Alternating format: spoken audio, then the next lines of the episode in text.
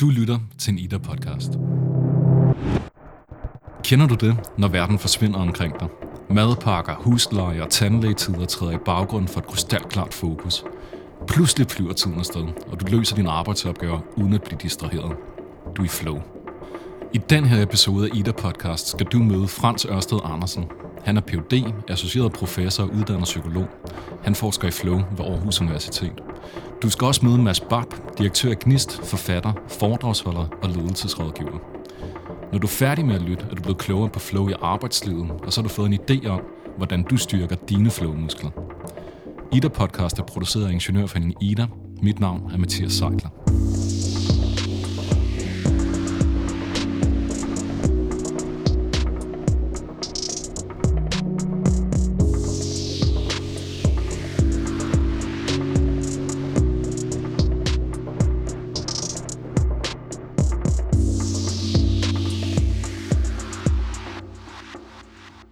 Flow er først undersøgt af den amerikansk-ungarske forsker Mihai Csikszentmihalyi. Csikszentmihalyi beskriver flow-tilstanden som en optimal tilstand, der opstår, når vi bliver udfordret på det helt rigtige niveau. Csikszentmihalyi taler om to akser. Forudsætningsaksen, altså dine ressourcer og kompetencer, og så udfordringsaksen. Og lige der, hvor de to akser mødes, opstår flow. Det lyder måske avanceret, men det er det ikke. Vi har det alle sammen i os, fordi små børn, der leger, er i flow. Så hvis man tænker på god leg, gode spil, spil, leg og sport, det er jo de klassiske flow-områder. Da jeg skulle have styr på flow-begrebet, besøgte jeg Frans Ørsted Andersen på Aarhus Universitet. Det var ham, du lige hørte her. Frans blev inspireret til at forske i flow-tilstanden, da han under sin phd studier mødte flowforskningsfader Csikszentmihalyi, som blev hans mentor. Tilbage til Frans, og vi taler stadig om leg. Altså leg har jo det i sig, at det engagerer os. Og øh, leg har øh, også det her med tidsforglemmelse øh, og selvforglemmelse. Og hvad ligger der i ordet selvforglemmelse? Jamen det betyder jo, at de normale ting, der sker inde på lystavlen, tanker, impulser, inspiration, øh, idéer, følelser, hvad der nu dukker op, jamen det bliver sat på standby, og så er man bare væk i den her proces. Og det kan vi jo se ved børn, der leger. Pludselig glemmer de jo, at de skal spise, og de skal på toilettet, og at de er sure, og de er trætte, og de er forkølede, fordi de er væk i lejen. Og det gælder også for os voksne. Nøjagtigt det samme sker for os. Flow er jo en øh, særlig øh, gave, vi har fået af udviklingen, fordi man kan godt sige, at det er en måde at løse problemer på. Altså hvis man øh, kan forestille sig, at mennesket i øh, det meste af vores udviklingstid har levet under meget barske forhold, men øh, selvom det er koldt, og man er træt og sulten, så kan man alligevel øh, blive ved med at øh, holde fokus på den her hjort, man gerne vil skyde, eller holde fokus på at få øh, tætnet hytten, inden vinteren kommer. Så det kan jo være en overlevelsesfaktor, at man er i stand til at fastholde sin opmærksomhed over tid. Og man kan sige, at evolutionen har gjort, at vi bliver belønnet. For jo mere man fastholder sin opmærksomhed og koncentrerer sig, jo mere dopamin får man ud i systemet. Så det er også fedt at være i flow. Det moderne arbejdsliv rummer færre flow triggers end stenalderlyd. Derfor kan det være gavnligt for det moderne menneske at vide noget om, hvordan man kan bringe sig selv i flow, når man ikke er på jordejagt. Flow opstår jo i en særlig zone, kan vi sige, hvor der er et match mellem vores kapacitet og så udfordringsniveau. Over flow, der ligger netop det her med, at vi er overudfordret, vi er stresset. Der kan man ikke finde flow, fordi man netop ikke kan fokusere, fordi man er overudfordret. Under stresszonen ligger der jo egentlig bare en rutinezone. Altså det, vi kan lave øh, uden at, at øh, engagere os særlig meget, uden at være særlig opmærksom. Altså i hverdagssprog vil vi jo sige, at man kan lave det med ben for øjnene, eller med hånden på ryggen, eller hvad vi nu har af udtryk. Der, der er ikke noget galt i nogle af de to andre tilstande, men vi ved bare, at vi trives øh, og præsterer og fungerer meget bedre i flowzonen. Men det er lidt svært at komme der ind. Det er ikke noget, man bare lige sådan kan øh, sige til sig selv. Øh, det er jo, hvis vi ser på det hjerneforskningsmæssigt, så er flow jo faktisk en form for nedlukning. Det vil sige, en række af de ting, der normalt foregår i hjernen, lukker ned, og det var det, vi sagde før, tids- og selvforglemmelse. Tids- og selvforglemmelse, vi har jo ikke et ur inde i hovedet, men vi har en række impulser og signaler og tanker og følelser, der sådan normalt kommer og går, og det er jo dem, der holder op, og det er jo egentlig det, vi kalder tids- og selvfornemmelsen. Det holder op.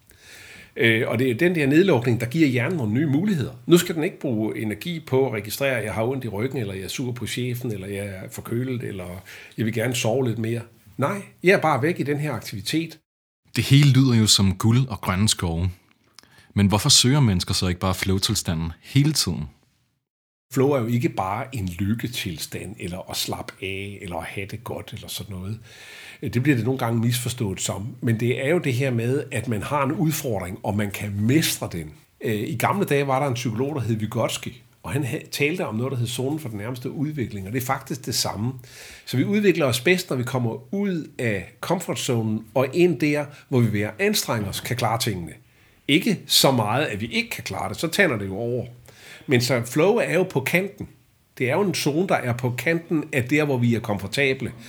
Vi, vi ved, at øh, mennesker har det med, at vi vil helst lave det, der sådan er mildt udfordrende. Der ligger sådan under flow-zonen, men ikke nede i kedsomhed og, og ren rutine, men der, hvor vi sådan behageligt afslappet og alligevel lidt opmærksom kan klare tingene, uden de store anstrengelser, men dog alligevel øh, lidt oppe i niveau. Og men det, det er ikke flow, vel? Nej, det er ikke flow. Det, det, det er faktisk sådan en nydelseszone. Der er det fedt at være og rart, og vi kan snakke og drikke kaffe, og jeg kan tjekke sms og sådan noget. Det er behageligt. Men vi er ikke inde i flow, og det kræver lidt ekstra. Og vi ved også fra noget af det nye i er jo flow-tilstandens fysiologi. Altså, hvad sker der i kroppen? Og vi kan se, at der er en anden kemi i kroppen, når man ryger ind i den zone. Der er simpelthen, altså vi er, vi er simpelthen en anden, et andet væsen i flow, ligesom vi er et helt andet væsen i stress, og det er jo negativt. Altså der er det jo, at kroppen er i udu. Der begynder systemerne jo at gå øh, i panik, når vi er i, i øh, stress. Det gode ved flow er jo, at det er jo egentlig tæt på stresszonen, men vi, vi bevarer en sund tilstand i kroppen. Og det er derfor, det er så godt, fordi at alle typer af arbejdsopgaver eller aktiviteter overhovedet, børnepasning, madlavning, rengøring osv., det kan, det kan laves i flow, fordi det er en hverdagstilstand. Alligevel synes vores samfund og arbejdsliv i langt højere grad at være præget af stress end af flow. Frans mener, at de to begreber er modsætninger. Altså for mange år siden var der en, øh, en øh, forsker på Københavns Universitet, der hedder Charlotte Blok, der har lavet et, et lille projekt, der hed Flow og Stress, hvor hun modsatte de ting. Og en af de ting, hun fandt ud af, er jo, at det blandt andet er mere socialt acceptabelt at være stresset, end at være i flow. Man bliver lettere mobbet af de andre, hvis du er alt for optaget af det, du går og laver. Så det er det samme som hvis jeg spørger dig, hey Frans, hvordan går det for tiden? Så siger du til mig, jamen jeg har simpelthen så travlt. Og så tænker jeg, jamen så må du være en succesfuld ja, person. Ikke? Det, er, det er det, vi alle sammen siger. Alle siger det jo. Ja. Også her på stedet. Ikke? Stress er jo præget af, at vi har alt for mange bolde i luften. Vi kan ikke overskue tingene. Der er 25 ting på checklisten, og vi ved, at vi ikke kan nå det hele, og hvad skal vi lave først? Og så bliver vi forstyrret, og alle de her ting, som ligger i stressbegrebet. Og øh, det modsatte af stress er jo flow. Godt. At betyder det så, at flow det kan være en form for antidote til stresskulturen, at vi skal fremelske flow på arbejdspladsen som en form for antidote til de, de øh, stressende ting, der nu måtte gøre sig gældende? Lige præcis. Det er simpelthen pointen. Men det, det er meget sværere gjort end sagt. Nu skal vi over til Mads Barb. Han er foredragsholder, ledelsesrådgiver og forfatter, og har rig erfaring med at skabe flow i praksis og i arbejdssituationer. Mads Barb arbejder med at få to ting til at mødes. Det er to ting, der skal hænge sammen. Det er at gøre det godt, og det er at have det godt. For ofte så er det det ene eller det andet, man har fokus på. Jeg vil gerne have tingene til at hænge sammen. Og når vi taler om at have det godt, så er der noget at gøre med trivsel, og når vi taler om at gøre det godt, så er der noget at gøre med effektivitet og produktivitet. Er det, den, er det det split, Ja, det, øh, sådan kan man egentlig godt gøre det op. Øh, trivsel på den ene side og performance på den anden side. Øh, og og det, er, det er jo lidt sådan, der verden mange gange deler sig i to lejre. En, en stor gruppe ude på arbejdspladserne, som gerne vil sikre trivsel og arbejde med trivsel, trivselsprojekter, trivselsmålinger. Og så er der en anden gruppe, som gerne vil arbejde med performance og lean og effektivitets- og produktivitetsfremmende tiltag. Øh, men lige præcis det, at det bliver i to lejre, det ender i sådan en skyttegravskrig og i 1914, så englænderne og tyskerne, de, de øh, mødtes simpelthen midt mellem skyttegravene og holdt jul sammen. Ikke? Ikke? Øh, og, og du er måske en af, sådan en, en af dem, der kan facilitere den her brobygning mellem de performanceorienterede og så de trivselsorienterede. Øh, ja, øh, om, om jeg ligefrem skaber juleaften mellem de stridende parter, ved jeg ikke, men, øh, men jeg forsøger i hvert fald at finde sammenhængende. Og det er faktisk også derfor, jeg er blevet vældig optaget af flow, fordi flow er faktisk en af de fænomener, hvor begge dele er repræsenteret samtidig. Fordi lige præcis når vi er i flow, så har vi det jo faktisk forrygende godt. Vi, øh, vi føler, at vi er i vores øh, S, vi har det som fisk i vandet, og samtidig så øh, præsterer vi også næsten det ypperste af det, vi kan. Og lige præcis den kombination er jo, er uhyre interessant i dagens arbejdsmarked. Øh, det er jo noget af det, vi skal forsøge at tilstræbe endnu mere. Om lidt fortsætter vi med Mads Bab, der skal sige en masse om, hvordan vi skaber flow i teams i arbejdslivet. Men først så skal vi lige høre Frances aller sidste tips om flow triggers, altså de ting, der kan aktivere flow-tilstanden. Forskningen kan jo pege på måske 20-30 triggers. Øh, det, der er problemet her, er jo, at vi er meget forskellige i forhold til, hvad det er, der engagerer os hvad der skal til. Men der er nogle generelle forhold af de her triggers, som vi kan sige går igen og igen og igen år efter år. Noget af det, der skal til, det er jo, at det ligger på, den her, mm, øh, på det her mestringsniveau. Altså hvis man laver noget, og der er en chance for, at vi fornemmer, det her kan jeg klare. Så det, det er en af de allervigtigste triggers. En anden trigger, øh, det er jo det her med, øh, at, at øh, der er noget feedback. Fordi hvis mestring er en del af flow-oplevelsen, det her med en fornemmelse af, at det kører, det er jo derfra, det der ord flow kommer. Jeg oplever, det kører. Så kan man sige, men hvordan skal man kunne opleve noget køre, hvis ikke der er nogen feedback? Men altså, man kan også tale om, øh, om, om trigger, som har at gøre med det fysiske miljø. Og der er vi jo, der er der jo rigtig mange designer og arkitekter og sådan noget i dag, der arbejder med det. Altså, fordi der er helt klart øh, miljøer, der øh, kan skabe flow mere end andre. Man kan sige, at de her store kontorlandskaber, man jo ved at gå væk fra. For man forestillede sig jo, at folk kunne samarbejde rigtig godt i sådan et kontorlandskab.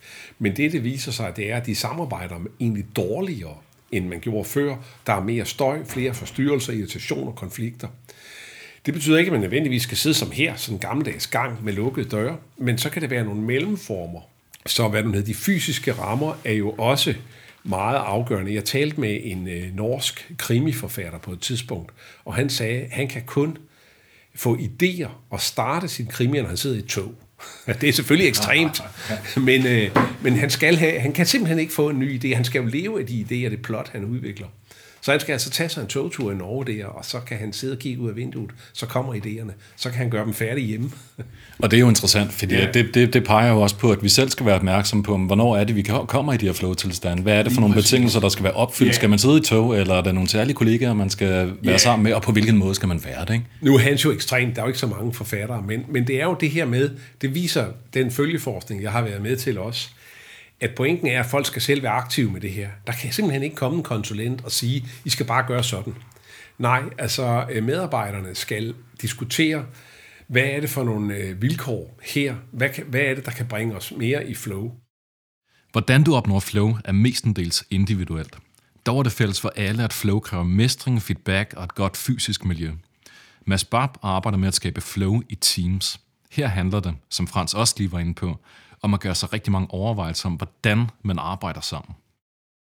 Øh, og noget af det, jeg synes jo, der er interessant at kigge på, når vi netop snakker om flow, det er også i vores refleksioner om flow, at prøve at bevæge det væk fra, at det ikke kun handler om individets flow, men i høj grad om de kollektiver, vi befinder os i. Har vi ressourcerne i fællesskabet til at løse de udfordringer, vi står overfor? På et samfundsniveau har vi jo også en tendens til at gøre de fleste af de udfordringer, vi står med i vores arbejdsliv, til et spørgsmål om, om du nu har, har fokus på det, du skal have fokus på, Mathias. Har du fokus på at få de ressourcer, du skal bruge for at kunne løse den her udfordring? Har du lært nok? Har du, har du det rette mindset? Har du den rette indstilling til arbejde? Er du forandringsparat nok? Så det er derfor, jeg tror, at det, det er vigtigt, at vi i arbejdsmæssig sammenhæng begynder at tænke meget mere i kollektiv og teamflow, der handler om gruppens evne til at løse de her ting, og den udfordring, der bliver stillet over for vores øh, kollektiv, altså vores organisationer.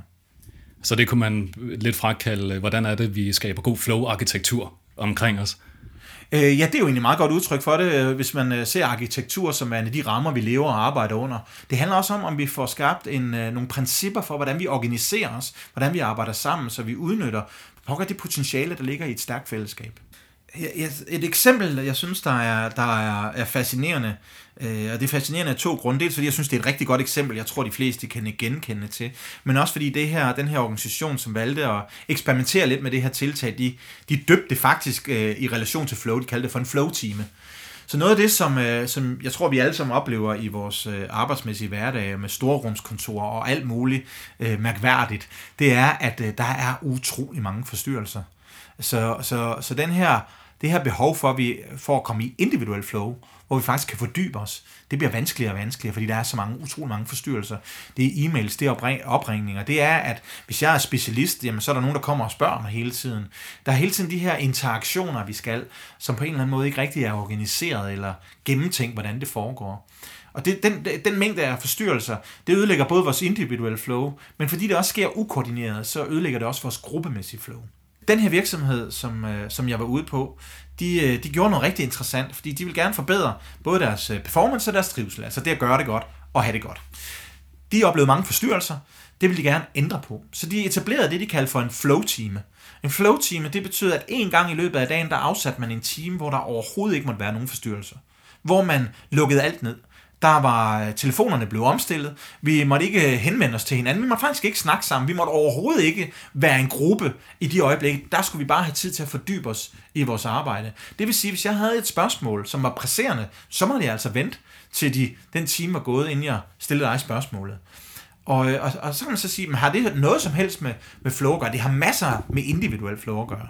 For i den time, så er der langt større sandsynlighed for, at den enkelte medarbejder kommer i flow, fordi der bliver fokus på arbejdet, og forstyrrelserne bliver fjernet. Men det interessante ved det var også, det er, det skabte et regelsæt, en ramme for gruppen i, hvordan vi skal agere sammen, der gjorde, at vi også oplever, at vi som gruppe kan fungere godt sammen. For det interessante var jo så, at nogle af de spørgsmål, som man så sad med, nogle gange fandt man jo selv løsningen. Andre gange fandt man ud af, at det måske ikke var så vigtigt. Plus også, at man måske fik tænkt det lidt mere igennem, så når flow-timen var slut, og jeg gik hen for at spørge min kollega om noget, så var jeg måske, stillede jeg måske spørgsmålet på en bedre måde. Jeg havde måske lige afklaret, hvad det var, jeg egentlig ville have ud af det, og nogle af de ting gjorde simpelthen, at de fik en bedre proces ud af det efterfølgende. Så deres idé om at lave en flow-team skabte både individuel flow, men det skabte også nogle, nogle regler, nogle rammer, nogle vaner, for gruppen i at kunne fungere bedre som kollektiv. Her i podcastens sidste minutter dykker vi ned i nogle bud på flowfremmende værktøjer til Teams. Noget af det, jeg forsøger at, at, at gøre meget, som jeg virkelig er, altså er, er på jagt efter, det er konkrete redskaber. For, fordi du, ligesom, ligesom du spørger om, øh, om, hvordan gør man det her ude i verden, det er jo også det, vi bliver mødt af igen og igen med vores kunder. De er utrolig trætte af at høre om den ene ledelsesmodel efter den anden. Og, og, og selvom øh, jeg gerne vil snakke om teamflow, så vil jeg i virkeligheden hellere snakke om, hvordan skaber man teamflow. Fordi de er faktisk ikke øh, ret interesserede i at høre ret meget om modellerne, eller teorien, eller for den sags skyld næsten forskning længere. De vil gerne have nogle redskaber, de vil gerne videre. Øh, så jeg, jeg leder efter redskaber, og, og for et par år siden, der stødte jeg på, på, øh, på det, der hedder Google Design Sprint. Og, og Google Design Sprint er interessant, fordi det faktisk er en meget komprimeret proces, som faktisk øh, på forskellige vis optimerer og sikrer øh, flow-episoder i grupper.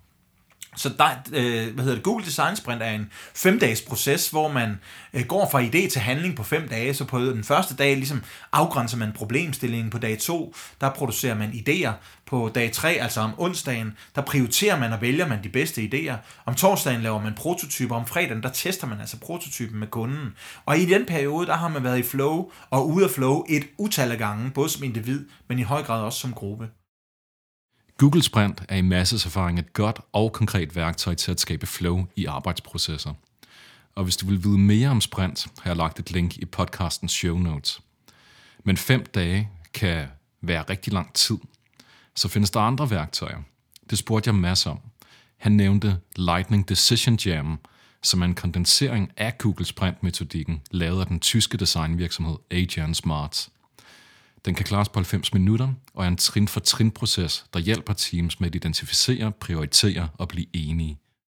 Det er jeg faktisk begyndt at bruge rigtig meget i organisationer, fordi det interessante ved det her Lightning Decision Jam, det er, at det indeholder faktisk alle de komponenter, vi fra forskningsside ved, der er nødvendige for, at vi kan komme i teamflow.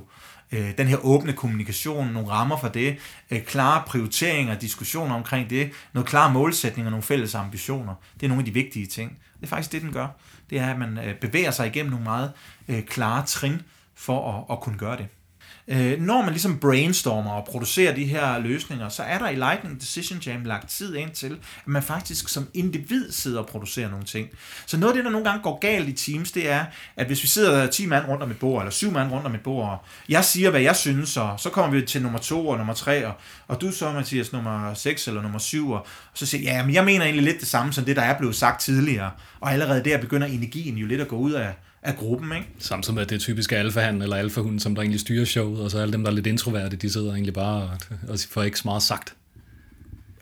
Fuldstændig rigtigt. Og det er lige præcis den uhensigtsmæssige gruppedynamik, der forhindrer gruppeflow eller teamflow. Så det er det, vi skal gøre op med. Så der er en lille greb, der handler om, en lille, kan man sige, en lille benspænd, der handler om, at man sidder individuelt, og så skriver man alle sammen sine sædler.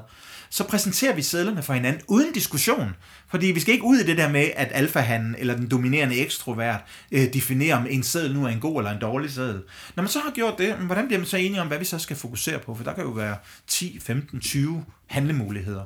Jamen så er der et benspænd, der handler, man kalder for dot voting, altså at man stemmer med sådan nogle små plastikklister, eller plastikklistermærker, nogle prikklistermærker. Og på en eller anden måde, så konsolideres der så der en prioritering, som gruppen faktisk er ret enige om, eller på en eller anden måde accepterer. Det er jo ikke ens betydende med, at der er 100% enighed. Øh, det er ikke ens betydende med, at der ikke er nogen, der er uenige i det, det der er en prioritering. Men fordi præmissen er, at vi stemmer om det, og vi skal bevæge os hurtigt hen imod et mål, så accepterer gruppen det. Og det er noget af det, jeg synes, der er det forunderlige. Det er, det er jo et lille benspænd som ved første øjekast kan virke banalt, og man, som man sagtens kunne pille fra hinanden. Men jeg oplever i hvert fald bare, at det skaber ligesom sådan en rammesætning for gruppen, som, som vi kender fra spil. Altså, vi sidder jo ikke og diskuterer reglerne i Matador, sådan, sådan i, i hvert fald i, i det store hele sidder vi ikke og diskuterer. Det kan godt være, at vi diskuterer sådan i, i detaljer, men når vi træder ind i et spil, så bliver vi relativt hurtigt enige om regelsættet. Det her det er et lille regelsæt, der gør, at gruppen faktisk kan optimere deres kollektive proces. I min samtale med Mads Barb var der en metafor, der gik igen – Bjergbestigeren er et billede på den menneskelige flow. Konstant i nuet og kun med blik for, hvor den næste hånd eller fod skal placeres. Vi slutter af med Mads. Men der er jo en ting, der er vigtigt at sige i forhold til flow øh, og bjergbestigeren. Bjergbestigeren øh, bestiger jo ikke bjerge hele tiden. Han træder jo også væk fra bjerget i opvarmning, i forberedelsen, i at pakke alt sit udstyr. Og i de situationer, der er han måske ikke flow. Ligeså vel som vi måske heller ikke som teams altid skal være i flow. Vi skal i hvert fald ikke altid være i flow sammen. Nogle gange har vi jo brug for at trække os og være individuelle i vores opgaveløsning. Der skal vi ikke nødvendigvis føle, at vi klikker med vores kollegaer, eller søge at tilstræbe en eller anden form for perfekt harmonisk løsning i vores team. Så skal vi også bare kunne trække ud. Og en gang imellem, så skal vi også løse opgaver, som ikke er forbundet med høj grad af flow, og dermed høj grad af trivsel og performance. Nogle gange skal vi måske også bare øh, løse nogle opgaver, som bare skal løses. Men i visse situationer, i de situationer, hvor vi skal knække nøden på noget vanskeligt, der har vi brug for flow. Der har vi brug for flow i vores fællesskaber. Men det vigtige er jo at sige, at for at komme i flow, så bliver vi også nødt til nogle gange at være ude af flow.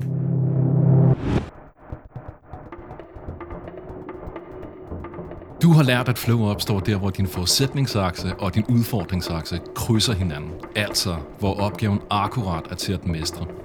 Du har også lært om flow triggers, om teamflow, om flow fysiologi. I de show notes, der følger med podcasten, kan du finde links, der uddyber de emner, du har lyttet til. Ida-podcast er skabt af Ingeniørforeningen Ida. Tobias Anker Jeppesen har produceret, og mit navn er Mathias Seidler.